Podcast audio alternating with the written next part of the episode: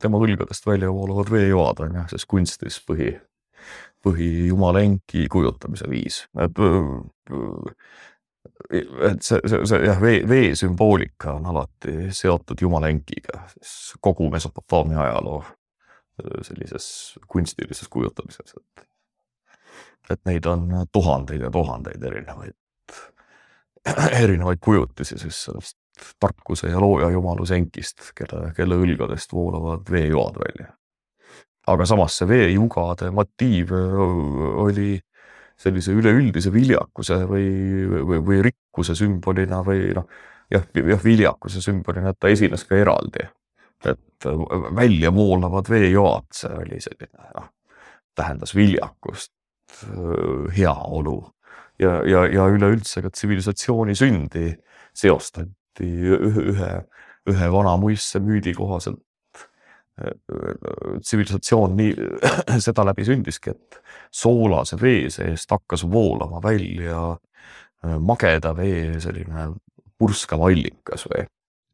et siis mageda vee tulek on seotud ka tsivilisatsiooniga, et, et teatud mütoloogilistes traditsioonides vastandati siis soolast merevett ja, ja elu andvat magedat vett samamoodi aga et müüte oli tohutult ja tohutult palju, et, et võib-olla sellist ühtset lugu ei olnudki, et oli hästi palju paralleelselt käivivaid lugusid.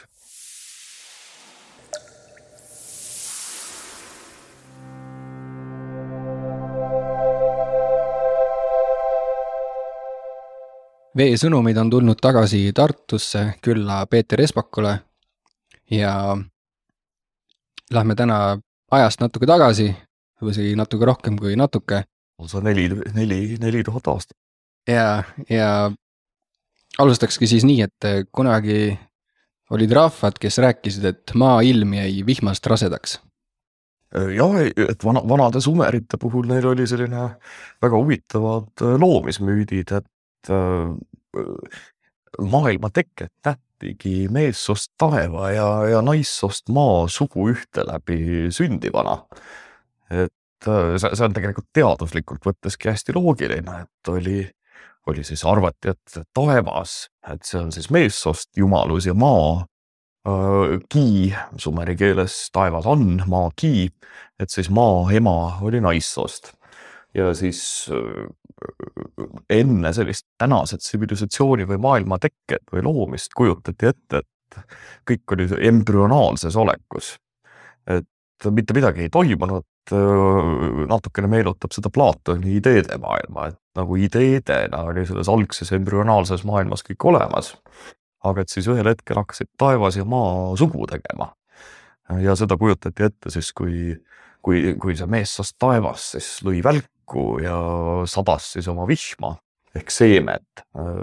Sumeri keeles võib siis sõna A, mis on paljudes keeltes tähendab vett et võib ka tõlgendada nii seemne, seemnevedeliku kui vihmana.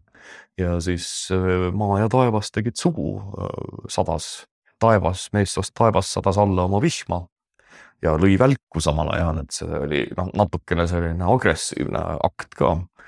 ja, ja siis maajumalanna jäi rasedaks ja siis nad äh, lahknesid sellest ühest algsest ürgolekust et sündisid, sündisid esimesed jumalused ja niimoodi, niimoodi kujutatigi ette, et siis kuidas tänane selline maailm loodi või, või tekkima hakkas, et veel oli siis selline magedal värskel veel oli selline põhiline noh, tsivilisatsiooni või maailma loomise roll. et see üks lause, mis ma sealt äh, sinu mm, ühest teadusartiklist äh, välja noppisin või artiklis, mis sa mulle saatsid, et eh, peaaegu kõik Mesopotaamia mütoloogiat käsitlevad ülduurimised kirjeldavad Apsut kui maal asuvat ja veega täidetud suurt ookeani. jah, tege-, tege-, tegelikult, et mina olen, mina tõestasin ära, et see ei olnud nii, et tegelikult Apsu ei olnud veega täidetud. Sumeri mütoloogias, et oli veest tühi piirkond, et aga hoopis teine piirkond nimega Engur oli oli see siis, kus oli mageda veega täidetud, aga et apsu oli hoopis vanadel sumeritel pigem veest tühi allilma üks selliseid versioone. et selle üle vaidlused käivad, käivad pikalt, et maailmas on hetkel kaks teadlast, kes antud teemat on uurinud, et üks on Gratzi ülikooli professor Hannes Kalter, keda ma ka tunnen. Kes kirjutas siis aastal tuhat üheksasada kaheksakümmend raamatu, et minu raamat sel teemal ilmus kaks tuhat viisteist. ja ta on üldiselt kuigi ma lükkasin siis Hannes Kalteri mitmeid arusaamu ümber, aga ta jäi minuga nõusse. et ta ütles, et mis ma siis kolmkümmend viis aastat hiljem kirjutasin, et täiesti nagu tõele vastav tema arust, et aga jah, et konkreetselt siis ma arvan, selle teemaga maailmas äh, umbes kaks uurijat. Kuigi noh, professoreid meie alal ju on sadu ja, ja isegi tuhandeid, aga et antud teemaga noh, lähemalt tegelevad kaks. ja nii tekstilisest materjalist kui ka enkit kujutavatest kunstiallikatest võiks välja lugeda seda, et Apsut peeti kohas, kohaks, kust said alguse Mesopotaamia jõed jah, et seal ta oli see müstiline allilma piirkond Apsu siis, et seal oli jah, leiti, et oli mageda vee allikad tõenäoliselt said sealt siis alguse, kaasa arvatud tõenäoliselt jõed said, said sealt alguse ja, ja, ja Sumeri müütides on ju üldse, kuidas muidugi jõ, jõgede tekkimine, et see on üks hirmus ropp ettekujutus, et siis tarkuse jumal ja looja jumal Enki oma kõvastunud peenisega siis kündis nad sinna kõrbesse liiva sisse ja siis ja, ja siis öö, onaneeris või kuidas seda nüüd kutsutakse sinna sisse vee, et see on ka selline Sumeri mütoloogia täna, tänasele viktoriaanlikule inimesele võib üpris ropp tunduda, kui, kui et oli vesi ja seeme, et siis elu andev selline vesi oli samastatud jumalate äh, seednega, aga see on loogiline tegelikult, sest vesi ju panebki taimed kasvama ja, ja noh, seda, seda isegi tänapäeva linnalaps saab aru, et ikka kui kallad lillepotti vett, et siis hakkab seal taim äh, kasvama palju paremini kui, kui kuivalt, et. ja vaatasin ja nägin ka neid äh, enki sümboleid, mis siis mm, üheks jumala, jumala enki sümboliks oli tema õlg, õlgadest välja voolavad veejoad. veejoad ja seal ujusid kalad ka, karpkalad tõenäoliselt siis, et vee, vee, tema õlgadest välja voolavad veejoad on jah, siis kunstis põhi, põhijumala enki kujutamise viis, et et see, see, see jah, vee, vee sümboolika on alati seotud jumala enkiga, siis kogu Mesopotaamia ajaloo sellises kunstilises kujutamises, et, et neid on tuhandeid ja tuhandeid erinevaid, erinevaid kujutisi siis sellest tarkuse ja looja jumaluse enkist, kelle, kelle õlgadest voolavad veejoad välja. aga samas see veejugade motiiv oli sellise üleüldise viljakuse või, või, või rikkuse sümbolina või noh, jah, jah, viljakuse sümbolina, et ta esines ka eraldi et välja voolavad veejoad, see oli selline noh, tähendas viljakust, heaolu ja, ja, ja üleüldse ka tsivilisatsiooni sündi seostati ühe, ühe vana muistse müüdi kohaselt. Äh, tsivilisatsioon nii seda läbi sündiski, et soolase vee seest hakkas voolama välja mageda vee selline purskav allikas või et siis mageda vee tulek on seotud ka tsivilisatsiooniga, et et teatud mütoloogilistes traditsioonides vastandati siis soolast merevett ja, ja elu andvat magedat vett samamoodi. Aga et müüte oli tohutult ja tohutult palju, et, et võib-olla sellist ühtset lugu ei olnudki, et oli hästi palju paralleelselt käivivaid lugusid. võib-olla mõnda lugu sellest Enkist mõnda müüti rääkida? oi, neid oli, neid oli nii palju, et äh, ükskord me, kui me tegime Ardo Pajulaga Tähenduse teejuhtide saadet, siis ühe saate nimi, mida ju sina tegid ja salvestasid, et oli Ardo Pajula pani nimeks talle Enki reis Nippurisse. et seal on ka inimese loomisest juttu. et siis Andreas Juhandiga, kes on kaitses doktorikraadi kaks tuhat üheksateist, et tegime koos saate. et siis seal selle, sellest müüdist me räägime pikalt. et aga võib, võib-olla jumala Enkist kõige tuntum müüt on müüt nimega Enki ja Ninma. Lubasin ta eesti keelde tõlkida, aga siia ei ole veel tõlkinud, et loodetavasti varsti avaldan ära, aga et see kirjeldab müüt algabki siis tänapäevase maailma loomisega, kus kirjeldatakse ta, ta, ta, taeva ja maa suguühet. et meessoost taevas ja naissoost maa teevad sugu, lahknevad, sünnivad suured jumalused, keda kutsuti siis Anunna jumalusteks. ja neile omakorda sünnivad madalama kategooria jumalused, aga et siis lei-, arusaam oli vanas Sumeris, et nooremad jumalused, siis kolmanda, neljanda põlvkonna jumalused pidid siis füüsilist tööd tegema. et vanematel jumalustel oleks ikka süüa ja juua ja õlut ja templeid ja peavarju. ja siis nooremad jumalad hakkavad mässama, lõhuvad iseenda ehitatud niisutuskanaleid ja keelduvad füüsilisest tööst. ja siis üks viljakus jumalanna ja maajumalanna nimega Namma läheb siis sinna Enki maa-alusesse piirkonda Opsusse. tavaliselt jumalaid kujutati ette magavas noh asendis, et ju, ju, jumalate ideaalne olukord oli, et nad magasid, ei teinud kas sõid, jõid või magasid, et see oli selline muistse inimese ideaalne olukord, kus mitte midagi ei pidanud tegema, sai rahulikult magada. ja siis see ema jumalanna läheb sinna all, allilma ja siis kurdab, et on tekkinud jumaluste revolutsioon ja mida nüüd ette võtta. ja siis otsustataksegi siis ühiselt Jumala enkiga, et tuleks äh, nendele mässavatele jumalastele luua abiks kategooria uusi olendeid orjadeks ehk inimesed. et siis savist ja jumalate verest hoolitakse inimkond, mille inimkonna eesmärk oli siis jumalate eest töö ära teha, tähendab neile süüa ja juua, viia õlut ja ja liha ja, ja kõike sellist, et. et see on, ma arvan, üks tuntumaid müüte ja see müüt veel sellega, et nagu kõik Sumeri müüdid, et. Et kui oli, jumalad olid midagi korda saatnud, siis nad hakkasid jooma pärast seda, et. siis jõid selle ema jumalannaga hästi palju õlut ja jäid purju. ja siis neil tekkis idee, et purjus peaga, et peaks hakkama sellist võistlust pidama, et kes neist jumalustest suudaks luua olendi, kellele puudub maailmas igasugune funktsioon.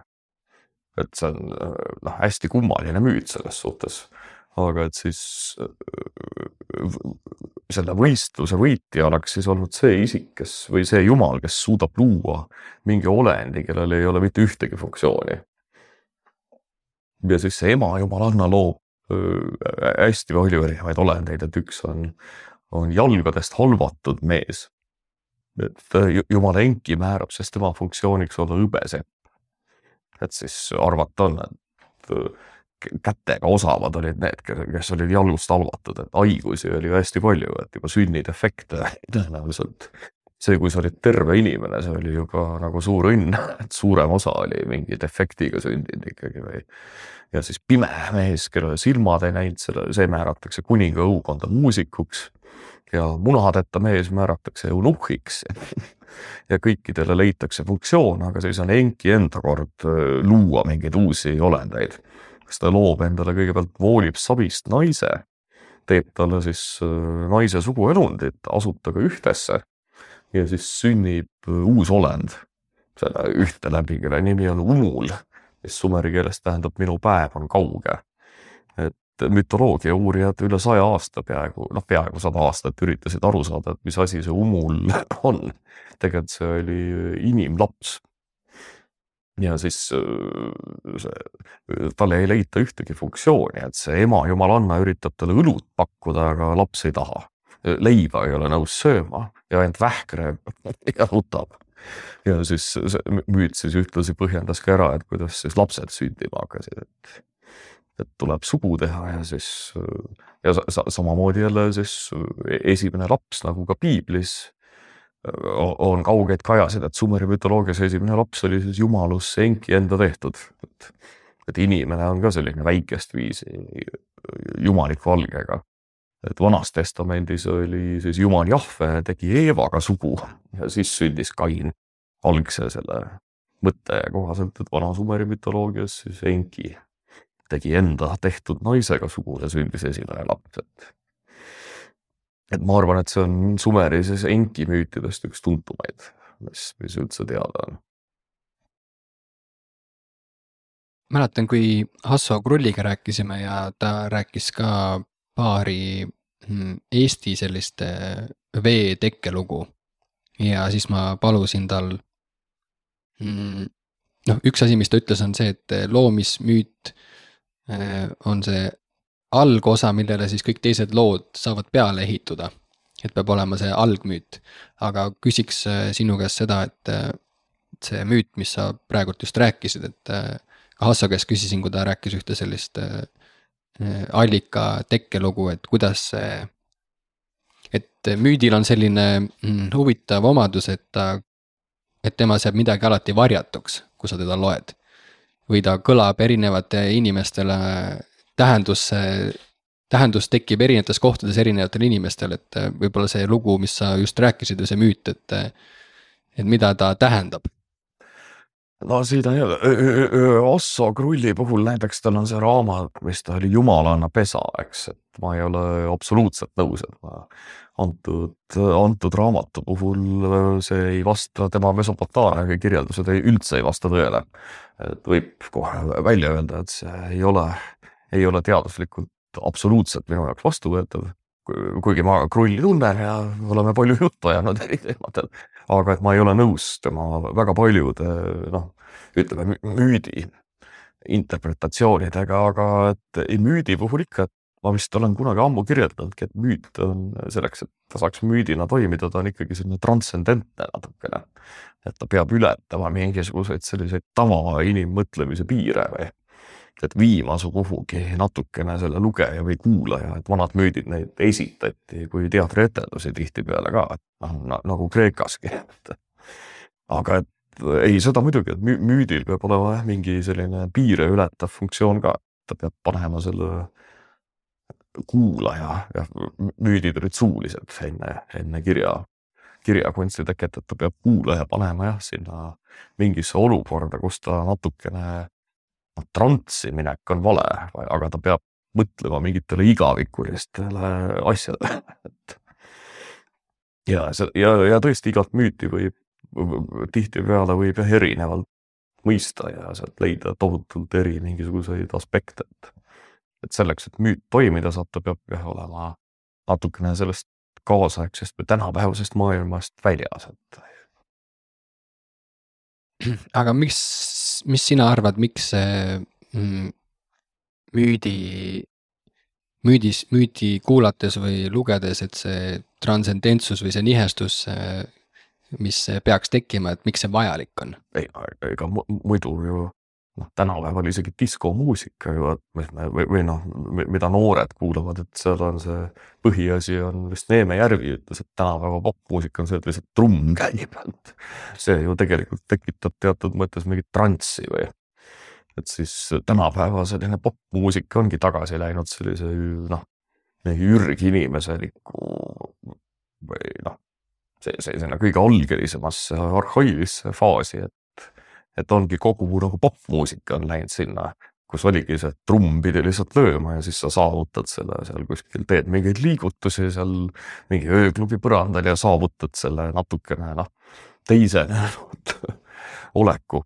et siis võib-olla see aitab nagu seletada, et müüdi puhul samamoodi, et ikka, et see peab natukene olema see noh, kui, kui ta peab su kuidagi ära viima sellest noh, igapäeva igapäeva sellisest olekust et see oli popmuusika kohta küll minu poolt halvasti öeldud, et me oleme, inimtsivilisatsioon on nüüd viis tuhat aastat, siis jõudis välja Bachi, Beethoveni ja Brucknerini ja, ja nüüd on muusika tagasi läinud siis kõige arhailisemate vormide juurde, kus enam tegelikult muusikat ei olegi, on lihtsalt trumm põntsub ja siis inimesed teevad neid koopa inimese kõige primitiivsemaid liigutusi.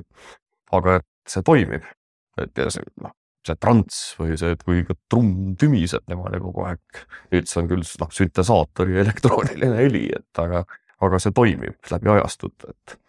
et ikka, kui ja monotoonselt taguda sellist trummi, siis see paneb inimese kuidagi noh, mingisse teise seisukorda ja ma arvan, müüdi toimimiseks on samad mingid.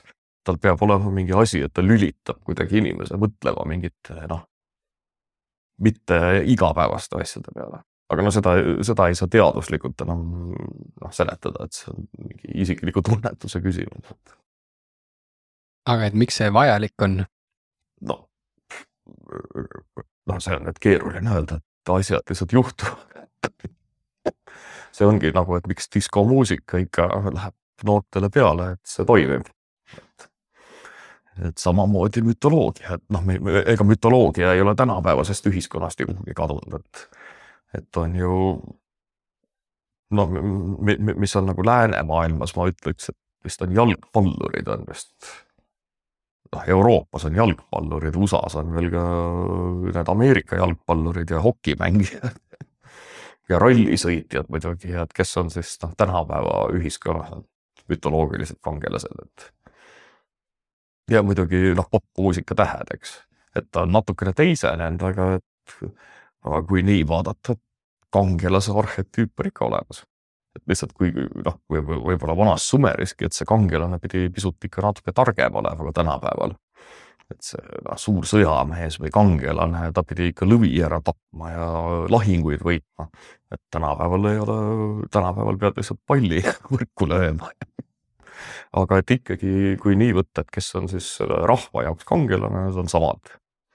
ta on mingi noh, no kes meil on need kuulsamad, Ronaldo ja nii edasi, et ikka lihaseline natukene ja peab, peab meeldima eriti naissoole ja, ja siis noh, tänapäeval muud ei olegi, et lööd palli võrku, et vanas, vanas ütleme Kreekas või vanas Sumeris pidi natuke rohkem tegema, et olla. Aga et samas need asjad, mis motiveerivad siis rahvast kedagi austama kui mütoloogilist kangelast, on minu arust samad. lihtsalt natukene võib-olla labasemaks on läinud. tänapäeval ei ole enam sisu oluline, vaid see noh, pigem selline väline vorm. et täpselt, et kui pall lendab lendab kiirelt võrku, et siis inimene ongi see mütoloogiline kangelane, et et vanas Sumeris oleks nagu Gilgameshki, pidi, pidi ikkagi tarkust olema ka natukene või sellist mõistust, et. et sest tänapäevane mütoloogiline kangelane enam ei pea olema kuulus või hiilgav mitte oma nagu vaimu poolest, vaid pigem jah füüsiliselt, et. aga lõpuks ikkagi need, kuidas see eestikeelne sõna on, trigger või päästik, mis noh, inimestes selle kedagi austama paneb, on tihti sama, et. kuigi jah, Eestis on me, meil on näiteks noh, tänu laulupidude traditsioonile on meil näiteks dirigendid on siiani veel au sees ja muusikud. Läänes see tihti minu arust enam ei ole nii, et aga et veel kaheksakümnendatel oli ka läänes sellised tõsised, ütleme kirjanikud ja kunstnikud olid ka noh, mütoloogilised kangelased ja muusikud. et Eestis on natuke rohkem säilinud, et kui noh, me hakkamegi vaatama, et meil ikkagi noh kasvõi Neeme järvi või Paavo järvi, et nad on sellise mütoloogilise kangelase staatuses, et. et, et tegelikult see on samamoodi oli neli tuhat aastat tagasi ei ole. et võib-olla see üleüldine läänemaailm on mõtteliselt alla käinud hästi palju, et Eestis nii hull ei ole, et me, me, me, meil on endiselt, me, me peame au sees ka mõnda kirjanikku ja mõnda sellist tõsist muusikut ja lisaks siis noh, sellistele noh, inimestele, kes hüppavad kõrgemale või kaugemale. aga küsiks veel enne kui mm, B juurde tagasi lähme konkreetselt, et äh, müüdi, mm, müüti kuulates siis või müüti lugedes, et äh, on kordi või hetki, kus see müüt äh, paistab rohkem läbi kui mõni teine kord. et kord sa näed sinna või sinna sisse või see tähendus on kord teistsugune. et millest see tingitud eh, võiks olla, et? no vanade müütidega on see, et kuna no, sumeri keel on selline hüpoteetilise iseloomuga, et seda et, et kõiki asju tõlkida näiteks eesti keelde, et seal juba sa leiad nii palju eri võimalusi ja aspekte. aga ei, ikka, ikkagi müüdid tihti kipuvad olema jah, et sa, sa, sa, sa leiad sealt tihti nii palju eri tasandeid, et kasvõi piibli tekstidest, et tihtipeale jah, need müüdid kunagi ei tähenda ainult ühte asja, vaid seal on mitmeid selliseid kihte ja, ja tähendusvõimalusi. aga millest see võiks tingitud olla, et et ta ühel ajal paistab rohkem läbi kui mõnel teisel ajal? ei oska öelda, see tunnetuse küsimus vist, et eks noh, kõige suurem müüt või, või müüdikogumik on meil ju Vana Testament, kui nii võtta, piibli Vana Testament, mis on veel noh, läänemaailmas kuskil vist isegi on mingi statistikad, et palju veel inimestel piibleid kodus on, et ei ole enam paljudel. aga et noh, sada aastat tagasi oli igas peres piibel ja seda ka loeti. et siis piibli Vana Testament, eriti Genesise raamat, see on ju noh, müüdi see on selline klassikaline Lähis-Ida müüt, kõik, mis seal, mis on Genesises kirjas, et kuidas loodi inimene ja maailm ja, ja kuidas see kõik toimima hakkas. et samamoodi, et sellised in, in, inspireeritud vanad lood, et seal sa võid neid kümme korda uuesti üle lugeda, ikka näed midagi sellist uut, mida sa varem võib-olla ei märganud, et no seda ei ole, teadlane ei saa seda kirjeldada, et tal ongi transcendentne või see noh, usuline mõõde on tihti, tihti juures, et seda, see on rohkem sellise personaalse tunnetuse küsimus kui, kui teaduse teema. et seda ei saagi kirjeldada või noh, analüüsida, et niivõrd igale inimesele isiklik, kui ta, kui ta neid lugema hakkab ja enda jaoks mõtestama. aga räägi palun inglise keeles water cults, eesti keeles siis vee, mis see cult'ile hea tõlkesõna on? vee, räägi veekultusest. noh, vanas Lähis-Idas nüüd mingit veekultust küll ei ole, et, et vesi on lihtsalt väga oluline aspekt, nagu ikka soojades maades siiani aga et veekultust kui sellist Lähis-Idas ei, siiski ei ole, et lihtsalt, aga veega, eriti puhta, külma, mageda veega loomulikult noh, kirikuski ristitakse veega, eks tänapäevani, et veel on alati selline maagiline tähendus olnud eh, puhtal magedal veel, et, et tänaseni ju kirikuteski on siis püha vee anumad ja, ja see kõik on samamoodi Lähis-Idast, kus siis tegelikult Lähis-Ida templites, igas templis oli selline väike veereservuaar, mis oli siis, sümboliseeris absut tegelikult seda, kus veeläte siis oli või kus ta, kus ta välja voolas, et see on tänase päevani välja läinud ka kristlikus kirikus, et, et see tõenäoliselt siis ristimise vesi on see, mis, millega võib-olla noh, Eesti inimene palju, noh, meil on kolmkümmend protsenti vist kiriku liikmeid kogu venelaste, eestlaste peale kokku. aga ma pakun, et see, see ristimisvesi on see, millega tõenäoliselt iga Eesti inimene kuskil on ikka näiteid, rituaale, kuidas ku,, ku, ku, ku, kuidas see toimib ja. aga räägi vee tähendusest. tähendusest, et ei, tal ei olegi muud tähendust, tõenäoliselt oli oligi käsitletav vanas Lähis-Idas sellise, sellise mingisuguse ürgalgainena või jah, sellise tsivilisatsiooni ja viljakust andva ürgainena. noh, eks vanas Kreekas mõnes mõttes samamoodi, et et nüüd, nüüd me teame, et see on tiivesinik oksiid, eks, sel ajal ei teatud, et siis arvati, et see mage vesi on ikkagi mingi selline müütiline ja müstiline algaine, eks, et. et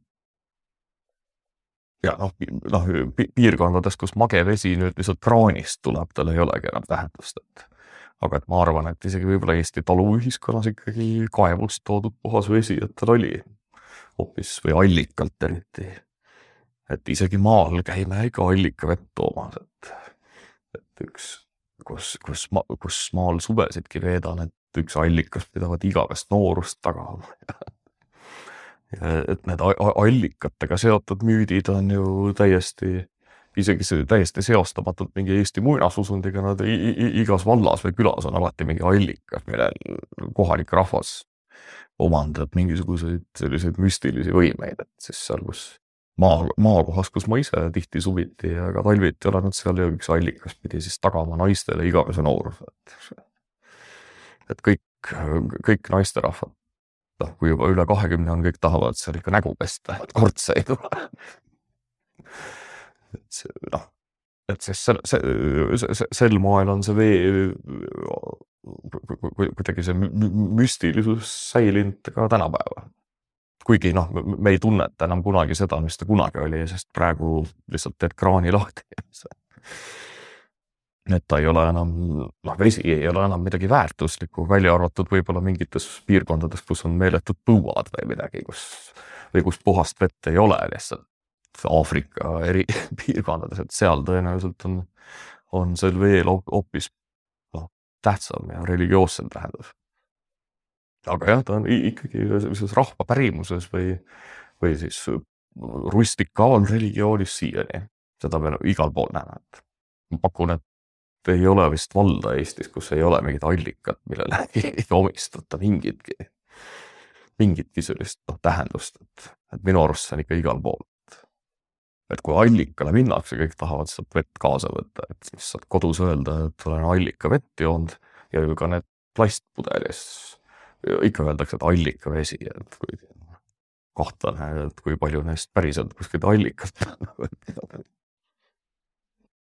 jah, mul tuli üks äh, lause meelde, mida hiljuti kuulsin, et äh, tänapäeval muutub vesi pühaks sellel hetkel, kui teda enam ei ole. täpselt, et äh, kui Eestis vist seda ohtu ei ole. Et me, me, me, meie kliimas vist ei ole seda karta, et meil vesi kuhugi ära kaob, aga ikkagi ikkagi on, on palju maailma piirkondi, kus ju vesi on siiani noh, kulda väärt, et tuuakse tsisternidega kaugelt, et, et tõenäoliselt seal piirkondades ta rahva mütoloogias ongi püha. et me, meil on vesi lihtsalt tuleb kraanist aga et kunagi talukultuuris, kus ikkagi tuli kaevule minna ja see ammutada sealt maa alt, et siis tal oli kindlasti hoopis teine tähendus, et oli seostatud kindlasti erinevate uskumustega, et kes seal kaevus maa all elada võisid no see on noh, meie ühiskonnas on see tähendus ammu kadunud, et ja tõenäoliselt ei tule ka tagasi sellisel kujul. aga mis sulle veel pähe torkab, ütleme ükskõik millisest religioonist vesi ja ükskõik milline religioon et kuidas on vett, kuidas on veest räägitud või, või missuguseid jumalaid on veega seostatud? no noh lä, lä, Lähis-Ida religioonides ongi veel ikkagi, ikkagi väga, väga suur tähendus, selle elu andva ja viljastava viljastava olemuse tõttu. aga samas, kui hakata Sumeri religioonigi vaatama, et see on ju täiesti teaduslik. et kui, kui, kui lööb välku, siis ja, ja, ja sajab noh, Lähis-Idas äh, äikesetorm ja on ju märksa tugevam kui meil, et, et mäletan Beiruteski linnas, et ikka kui äike on see noh, võimas võrreldes, noh, meil on selline pisikesed paugud, et kuigi noh, meie rahvausundis on ju ka tohutult palju variatsioone, et keda siis väga palju eri E-, e-, eri nagu interpretatsioone, et kuidas see välk ja vihm ja kõik tulid, et siis aga Lähis-Ida äike on võimsam kui meil. et see on täiesti loogiline, et võidigi ette kujutada sellise taeva ja maa sugu ühtena. Et siis need välgud ja paugud kõik, mis sealt siis arvati, et see ongi see noh ütleme mehe ja naise ühe ja vesi sadas alla ja taimed hakkasid kasvama, et täiesti selline loodusteaduslik ja loogiline järeldus. et seal ei ole, et see ei ole isegi kuidagi noh, mingi võltsuskumus, vaid kõik vastaski tõele et vanad sumerlasedki, nad ju ei teadnud, et maakera on pallikujuline et kuidagi nad pidid omale lahti mõtestama, et mismoodi see elu on alguse saanud, et kuigi noh, on arvatud, et mingil hetkel said juba ka sumerlased aru, et äkki ongi maakera, aga, aga, aga et ikkagi see ta, ta, taevas ja maa ja nende isikustamine ja selle seostamine ja, ja viljakuse seostamine veega, et see on puhas lo, loodusteaduslik vaatlus. Et seal ei, ei ole isegi midagi, mingit müstikat vaid see on jah, iga väike lapski tõenäoliselt võis sama järelduse teha, et kui ikka taevast vesi alla tuleb ja siis hakkab taim kasvama. et see jah, loogika, puhas selline tavaloogika viis juba vee, vee, vee sellise noh, püha funktsioonini, et. aga miks sa, mis sa arvad, ütleme, et äh, vee isikustamine või maa isikustamine või taeva isikustamine. ei isikustatud, aga taevast ja maad küll jah. aga et miks see, miks see hea on? ei, vett Kreeka mütoloogias isegi leiab, aga, aga ei noh ta,, taevas ja maa oli nagu kõik ikkagi vanades usundites, iga asi oli isikustatud, et et ma mäletan, väikse lapsenagi ma mäletan, et ma arvasin, et auto on ka elus, et tal tuled on auto silmad ja noh, see on ju loogiline, selline inimene, kes ei, loodusteadused tekkisid siiski kuskil renessansi ajal, et et tõenäoliselt kõike võeti isikustatult, et see, see, see on noh, paratamatus. ja samamoodi taevast, taevas oli üldse mitmekihiline. arvati ju, et nii taeva, taeva taga arvati, et on vesi muide, et mitu kihti erinevaid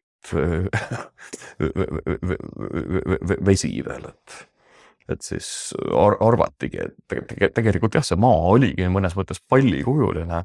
et nii maa all kui siis taeva peal arvati, et on vesi. ja muidugi erinevat tüüpi veed siis, et soolane vesi oli pigem sellises noh, mis ei kõlvanud juua, et see oli pigem sellises pahas tähenduses, võis tähendada kaost või ja värske vesi omakorda siis tsivilisatsiooni, ja see oli ka Mesopotaamia jõgedes ju merevesi voolas tihtipeale jõgedesse. Ja siis äh, soolase ja mageda vee segunemist nähti sellise mütoloogilise konfliktina isegi, et sest kaose ja tsivilisatsiooni konflikt oli, oli siis noh, seisneski selle mageda vee ja soolase vee vastandamises isegi aga see on ka loodusteaduslik noh, paratamatus, et. et meil ei ole seda, meil ei voola merevesi nagu jõgedesse, aga, aga et Lähis-Idas oli tõusude ja mõõnadega jah, tuligi soolane vesi tuli, siiani tuleb, tuleb jõgedesse sisse vahel, et. ja siis seda nähti kui sellise merekoletise pealetungina siis tsivilisatsiooni mulle meenub ühest äh, Hardo Tähenduse teejuhtide saatest äh, kõlanud lause, et äh, vanasti räägiti kõigega. et kas see mm, isikustamine mm, annab sellise hea eelduse, et, et meil või sul või kellelgi teisel on võimalik siis taevamaa või, või mageda veega otseselt rääkida? ei, aga kõik arvati, et on elus ja see on noh, tänapäeval, mis meil on puukallistajad, et tahavad puud kallistada ja arvavad, et puu on elus, noh, tegelikult on ka, aga siiski arvan, et puu väga ei ole huvitatud, et teda kogu aeg kallistatakse. tõenäoliselt aastasadu on puude peale urineeritud, et puu võib päris pahane olla, kui hipi kallistama tuleb, et, et keegi ju ei küsi puu käest, et kas tohib kallistada, aga et, aga et tänapäeva need hipid, need tahavad hirmsasti puid kallistada ja igasugu taimedega rääkida ja et see on ju säilinud. kui, kui nii võtta, et sellise noh, isikustatud noh, lähenemine, et. et on, on, on täie-, see elab edasi, noh hetkel küll kahjuks selles hipiliikumises või no ma ei oska seda öelda, kes nad on, need inimesed, kes näevad puud ja siis tahavad noh, temaga juttu ajada, et. aga see on säilinud et ma, ma arvan, see on iga inimese alateadvuses natukene ikka, ikka on olemas, et iga ese on mõnes mõttes isik. ja, ja, nüüd on tagasi tulnud, vaatasin just dokfilmi, on Inglismaal mingi kogukond mehi, kes armastavad oma autot ja tahavad oma autoga abielluda, et siis meeste jaoks on, oli ju kunagi oli see Michael Knight, eks, mis oli siis soome keeles oli vist pealkiri Ridari äss, meil kutsuti, kuidas see meil oli?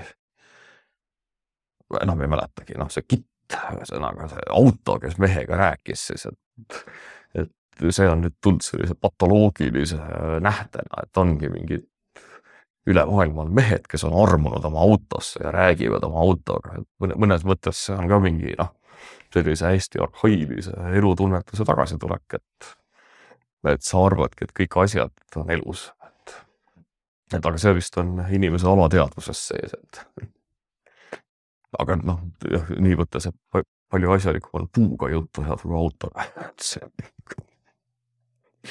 eks ta on kindlasti ka loodusrahvastel tänini. ja, ja ei, absoluutselt, see on noh, mida nüüd loodusrahvaks nimetada, et suurem osa neist loodusrahvastest, need müüvad lääne uurijatele lihtsalt toodet ja valetavad igasugu asju kokku, et.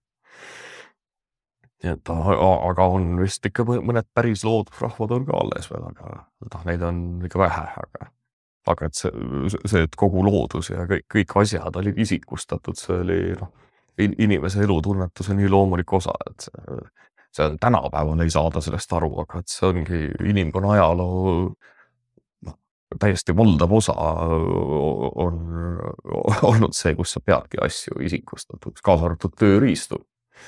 olgu see kirves või nuga või sellel arvati ka, et on selline, noh, tas sisaldusid mingid erinevad jõud ja, ja asjad, et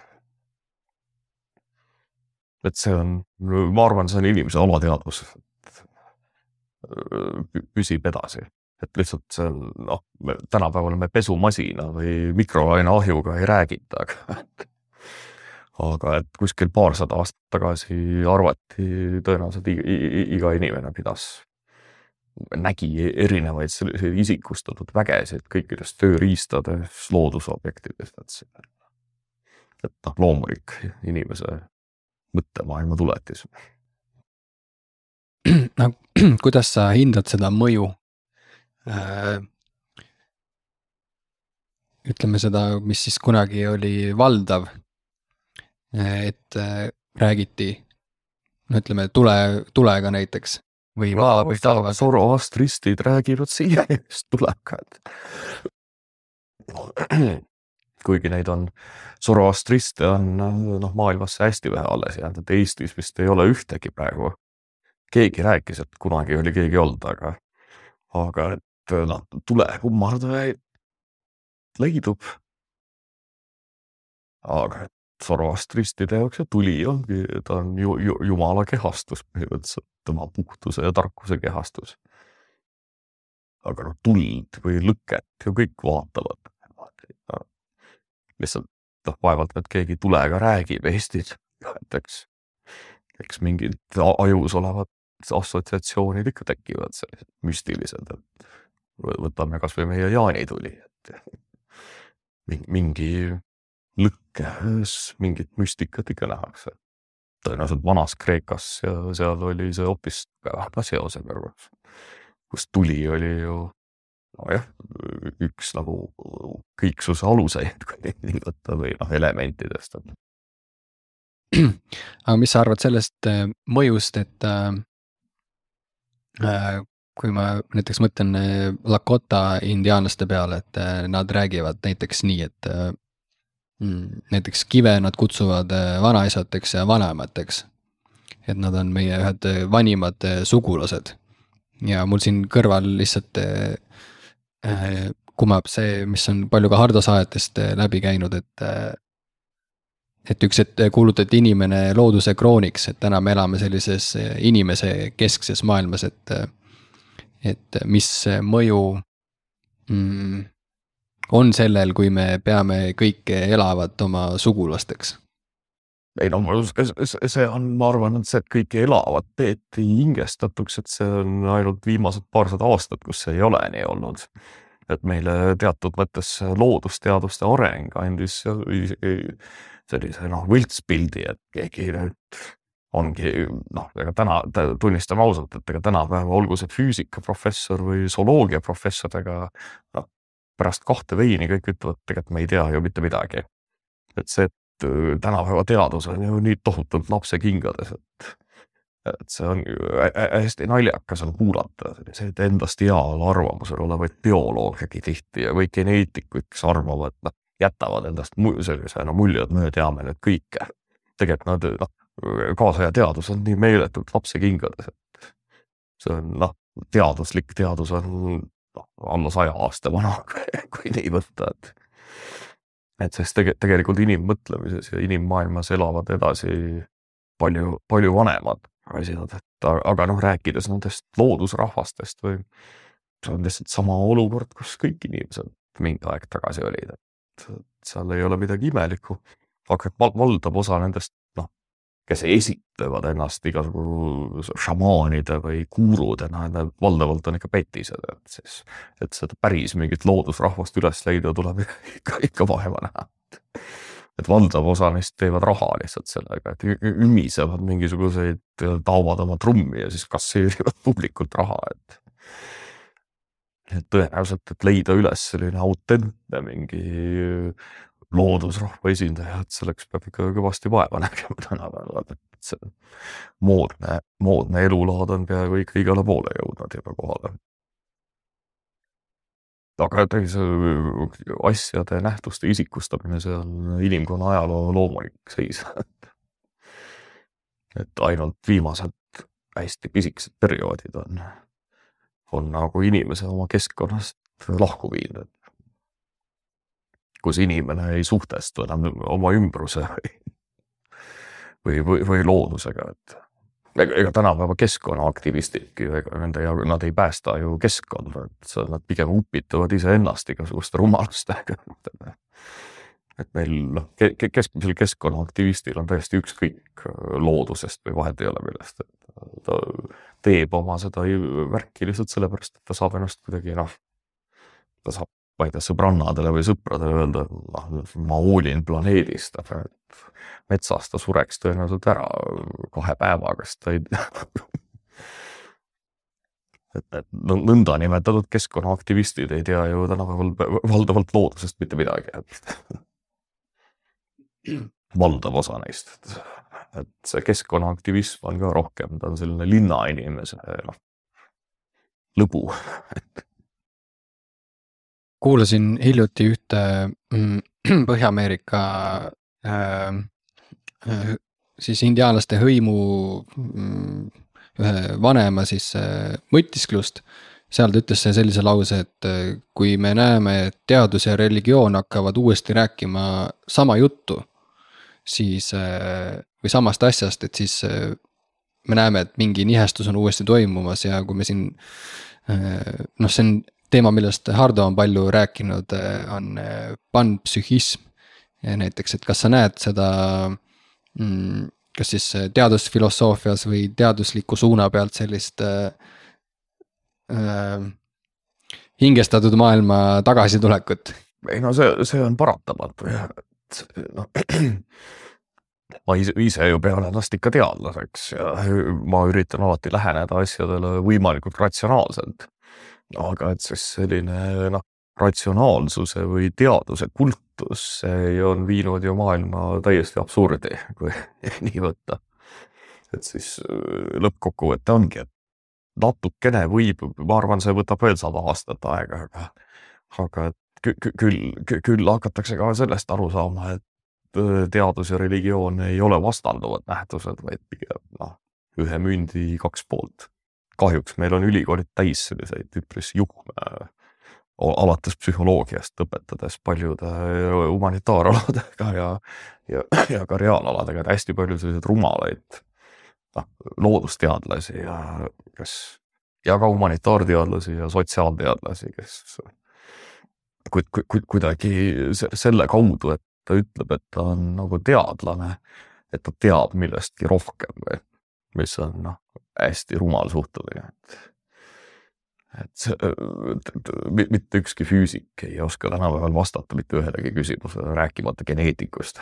et, et absoluut-, mitte ükski füüsik ei suuda öelda, et miks universum olemas on, kust ta tuli või kuhu ta tegelikult läheb, eks, et nad või raadiosaates võivad nad välja mõelda mingisuguseid noh, selliseid eneseõigustusi, et jah, me teame, aga tegelikult ei tea, et sama on geneetikutega, et geneetik võib väga hästi ära defineerida, seletada haiguste põhjuseid, ennetada, aga ta, ta, ta, mitte ükski geneetik oma teaduse seisukohalt ei, ei, ei suuda defineerida midagi nagu olemuslikku või et et selline teadlaslik ülbus, mis praegu veel valitseb tihti ka ülikoolides, mis eriti marksismi nagu teaduses selliseks prevaleerivaks, nagu ta praegu on, noh, lääne, lääne humanitaar- ja sotsiaalteadlased on valdavalt marksistlikud.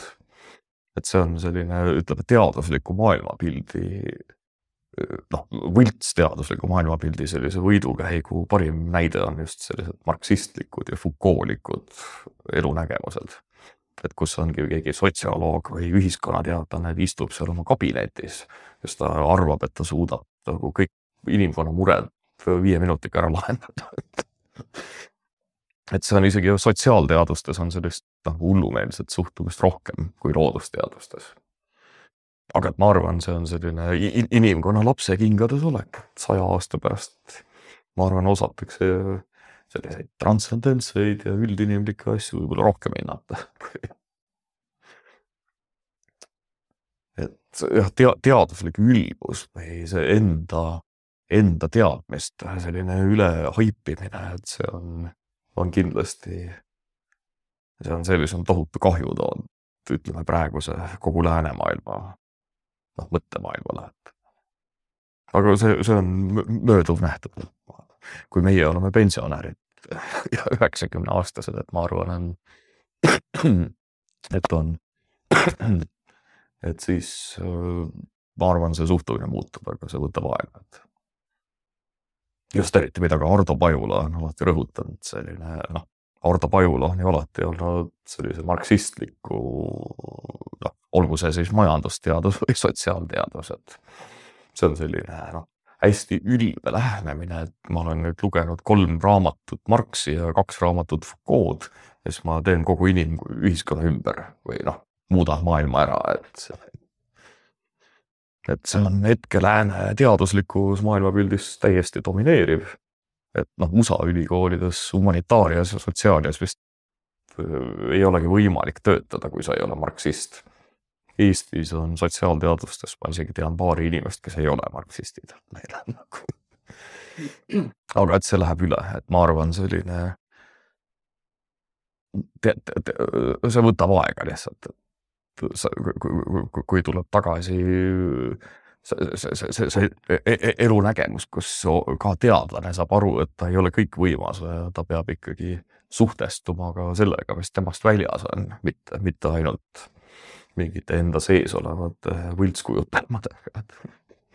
üks äh, lause, mis ma veel välja noppisin nendest materjalidest, mis sa mulle saatsid äh,.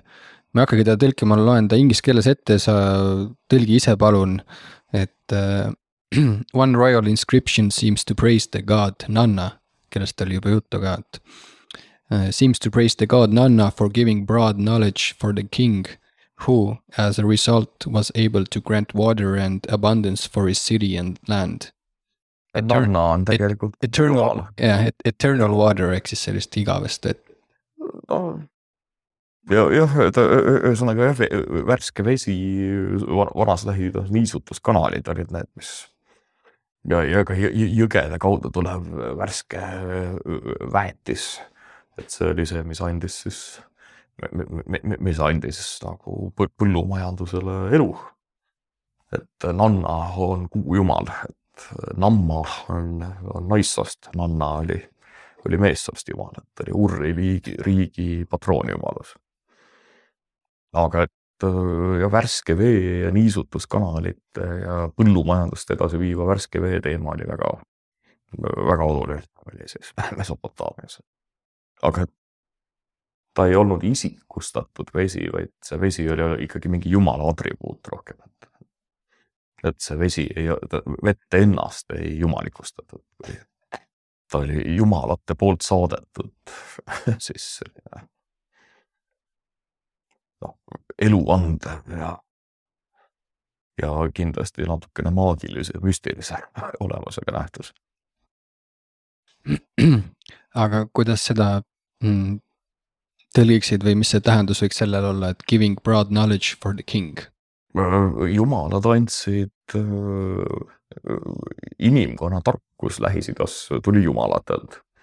siis, kes oli kõige targem, ega see, see, see, see oli saanud tarkuse jumalatelt ikka, et et siis inimene ei pidanud ennast kõikvõimsaks, et kõik, mis ta teadis, oli ikkagi keegi jumal oli tal kõrvade vahele andnud seda. Et broad knowledge, see on nještu tõenäoliselt siis sumeri keeles, mis tähendab otsetõlkes kõrv või nutt. et vanad sumerlased arvasid, et tarkus asub kõrvas. mis on jällegi loodusteaduslikult väga täpne defineering, et et kogu haridus oli ju auditoorne, suuline, et siis arusaam, et see kuskil see mõistus toimus kõrva taga. Et see on loodusteaduslikult väga täpne, et. aga et tarkus tuli jumalatelt, see oli, see oli kindel arusaam. ja see ongi, tänapäeva inimene arvab, et inimene on looduse kroon, eks nagu sa vist mainisidki, et see ongi see ütleme tänapäeva teaduse, teadusliku maailmapildi suurim viga, et, et iga selline teadlane või ka bürokraat arvab, et tema on looduse ja maailma ja teaduse kroon et me kõik teame, et see ei ole nii, et. üks äh, lause, mis ma veel välja noppisin äh, sellest materjalist, mis sa saatsid, oli, et äh, ma loen jälle inglise keeles ja siis saame äh, saad rääkida sellest, et äh, Another inscription of Warad Suen praises An and Enlil for ordering or helping Warad Suen to establish water in the midst of his people. jah, see on jälle värske vee kättesaadavus, sellest sõltus kogu põllumajanduse elu, et see on, see on jah põllumajanduslik antud teemal siis, et jumaluste abiga sai siis vastav kogukond omale niisutuskanalite süsteemi. et seal ei ole isegi midagi müstilist, et et ikka arvati, et tarkus tuli jumalustelt, et ka see tark mees või kirjatundja, et tema konsulteeris ikka jumalustega, et oma tarkust saada, et mine tea, mis erinevaid rohtusi ja, ja taimi siis unenägude kaudu. tarkus tuli alati kuidagi müstilisi teid pidi kõrgematelt jõududelt. üks äh, teemapunkt oli veel, mis äh, silma jäi, oli, et äh, kuningaid siis maeti jõe. ja jõe sängi sisse arvata on et see on jah huvitav, et oli üks tekst, mille ma olen eesti keelde tõlkinud, on Gilgameshi suurem. Et arvata on, et siis kuningatele, miks ei ole kuningate haudu ju väga palju leitud, et ne, neile kaevatigi haud jõe põhja. et jõgi jõ,, jõele pandi tamm ette, suunati siis linnaelanikud kaevasid siis jõele Tigrisele või Eufratile uue kanali või noh sängi siis ehitustööde ajaks. ja siis jõe põhja ehitati hauakamber, et, et siis mine, mine, mine tea, mis veel kümneid meetreid maa alt võib kunagi välja tulla. et see, oletada on, et see oli seotud ka sellega, et seal noh, maa alt, et siis sa läksid otse, said sellise otsetee sinna tulevasse ellu, et selle noh, jõe põhja kaudu kuidagi, et ja et siis ja vette jõe põhja matmine oli, see oli siis kuningate privileeg, et. enne kui lähme viimase küsimuse juurde, mida olen alati kõigilt külalistelt küsinud. võib-olla veel midagi teemal vesi, mida tahaksid öelda või mis võib-olla sumerite või ükskõik mis nurga alt? noh, noh, sumeri keeles vesi ongi A mis on hästi paljud, isegi Eestis on A-jõgi, eks, ja A-küla või A-rand on ka, et see on selline kõige, kõige vanemaid selliseid arhetüüpseid või onomatopoeetilisi sõnu tegelikult, et et vesi ja mage vesi, see on põhimõtteliselt ikkagi valdavas osas arhailistest kultuuridest tal on olnud mingi tähendus, et lihtsalt tänu sellele, et sumerid kirjutasid savitahvlitele, siis meil on miljonid tekstid säilinud. Et ma arvan, et paljudel arhailistel rahvastel, kaasa arvatud eestlastel, kui meil oleks noh, olnud oma kirjakunst, et et ma arvan, et need kujutelmad oleks üpris sarnased,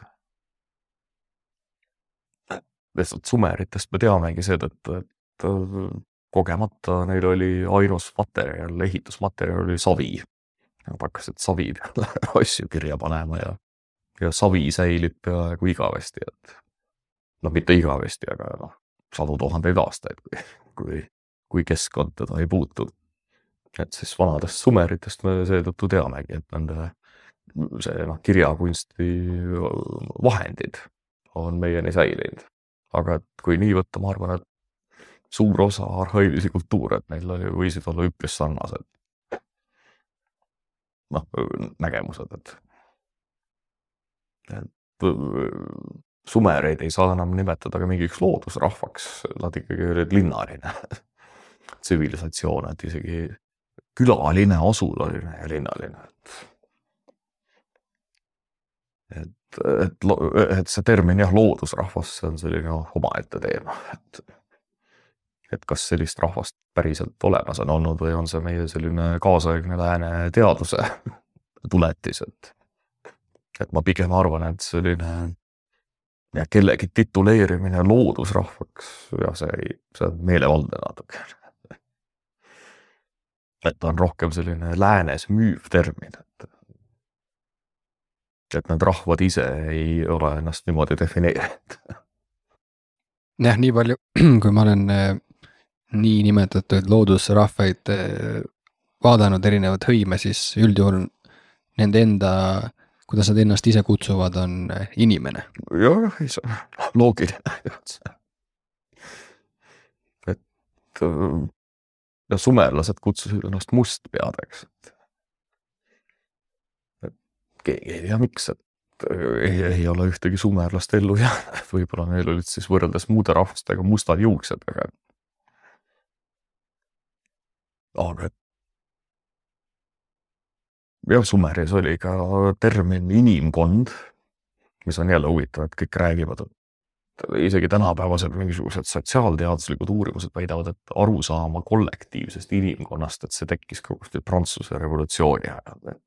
et vanadel sumeritel oli namluulu oli, oli otseselt tähe, täiesti tähenduses inimkond oli defineeritud juba selline mõiste, et inimkond moodustab sellise eraldi grupi, kuhu kuulusid sõltumata, sõltumata siis staatusest kõik äh, isikud, kes olid noh, inimese kujuga.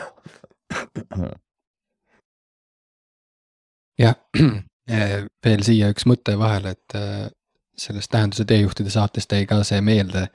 Äh, ja mida sa just ise mainisid ka, et miks sumeritest on nii palju teada, et on neid savitahvleid on nii palju. Nad ei hävi lihtsalt, kui nad on eriti maa all, et siis eh. nad võivad teoorias heades oludes miljoneid aastaid säilida.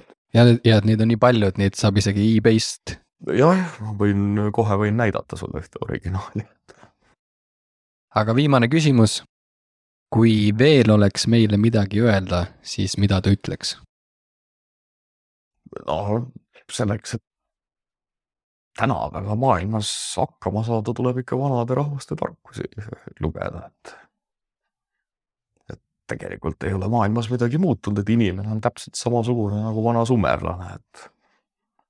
et inimeses olemuslikult muutused on ikka väga väiksed, et. et see on jälle selline kaasaegne rumal sotsiaalteaduslik arusaam, nagu oleks inimene kuidagi olemuslikult muutunud või et absoluutselt mitte mingisugust muutust ei ole, et see, mis oli vana Sumerai inimene, see on täpselt sama, mis tänapäeva inimene. joob vett samamoodi. jah, ja õlut ka. ja kõik, olgu see sõprusest, armastusest või ka kirjandusest või kunstist, kõik on täpselt sama. et ei ole inimene ja kultuurid ei ole palju olemuslikult muutunud, et võib-olla see hetke suurim muutus läänemaailmas ongi selline ülbe teaduslik suhtumine. et ongi mingi sotsioloog või keegi istub kabinetis ja on viis raamatut läbi lugenud, siis ta mõtleb, et ta muudab kogu maailma ära, et. et see, see on võib-olla suurim muutus, et aga muus osas ei ole tegelikult üllatavalt sarnased on. See, see tundub, et kultuurid on erinevad ja religioonid, aga nende põhi, põhialused, kaasa arvatud veetemaatika ja kõik on ikkagi, kui süüvida, siis võib vabalt öelda, et väga kogu inimtsivilisatsioon on hästi sarnane. et kõikides müütides, religioonides on, kajastub ikkagi see noh, täpselt seesama asi. see on lihtsalt võib-olla vormiliselt erinev, aga et, aga et olemuslikud tõed on enam-vähem samad. kui Moskoovia välja arvata, et sellised eriti julmad ja barbaarsed impeeriumid nagu võib-olla vanad roomlased ja praegu siis moskoviidid, kes Ukrainat ründavad. sellised noh, no mis ongi sellised, et noh, e-, erilise barbaarsusega silma paistnud ebainimlikud režiimid ongi võib-olla Vana-Rooma ja praegu siis Moskva see noh, noh bolševikud ja Vene tsaarid ja Ivan Julm ja see on kõik sama, aga et siis jah, võib-olla siis noh, Euraasia mandrilt ongi, isegi mongolid ei olnud niivõrd noh, e-, ebaintelligentsed, kuigi nad tapsid palju inimesi, aga.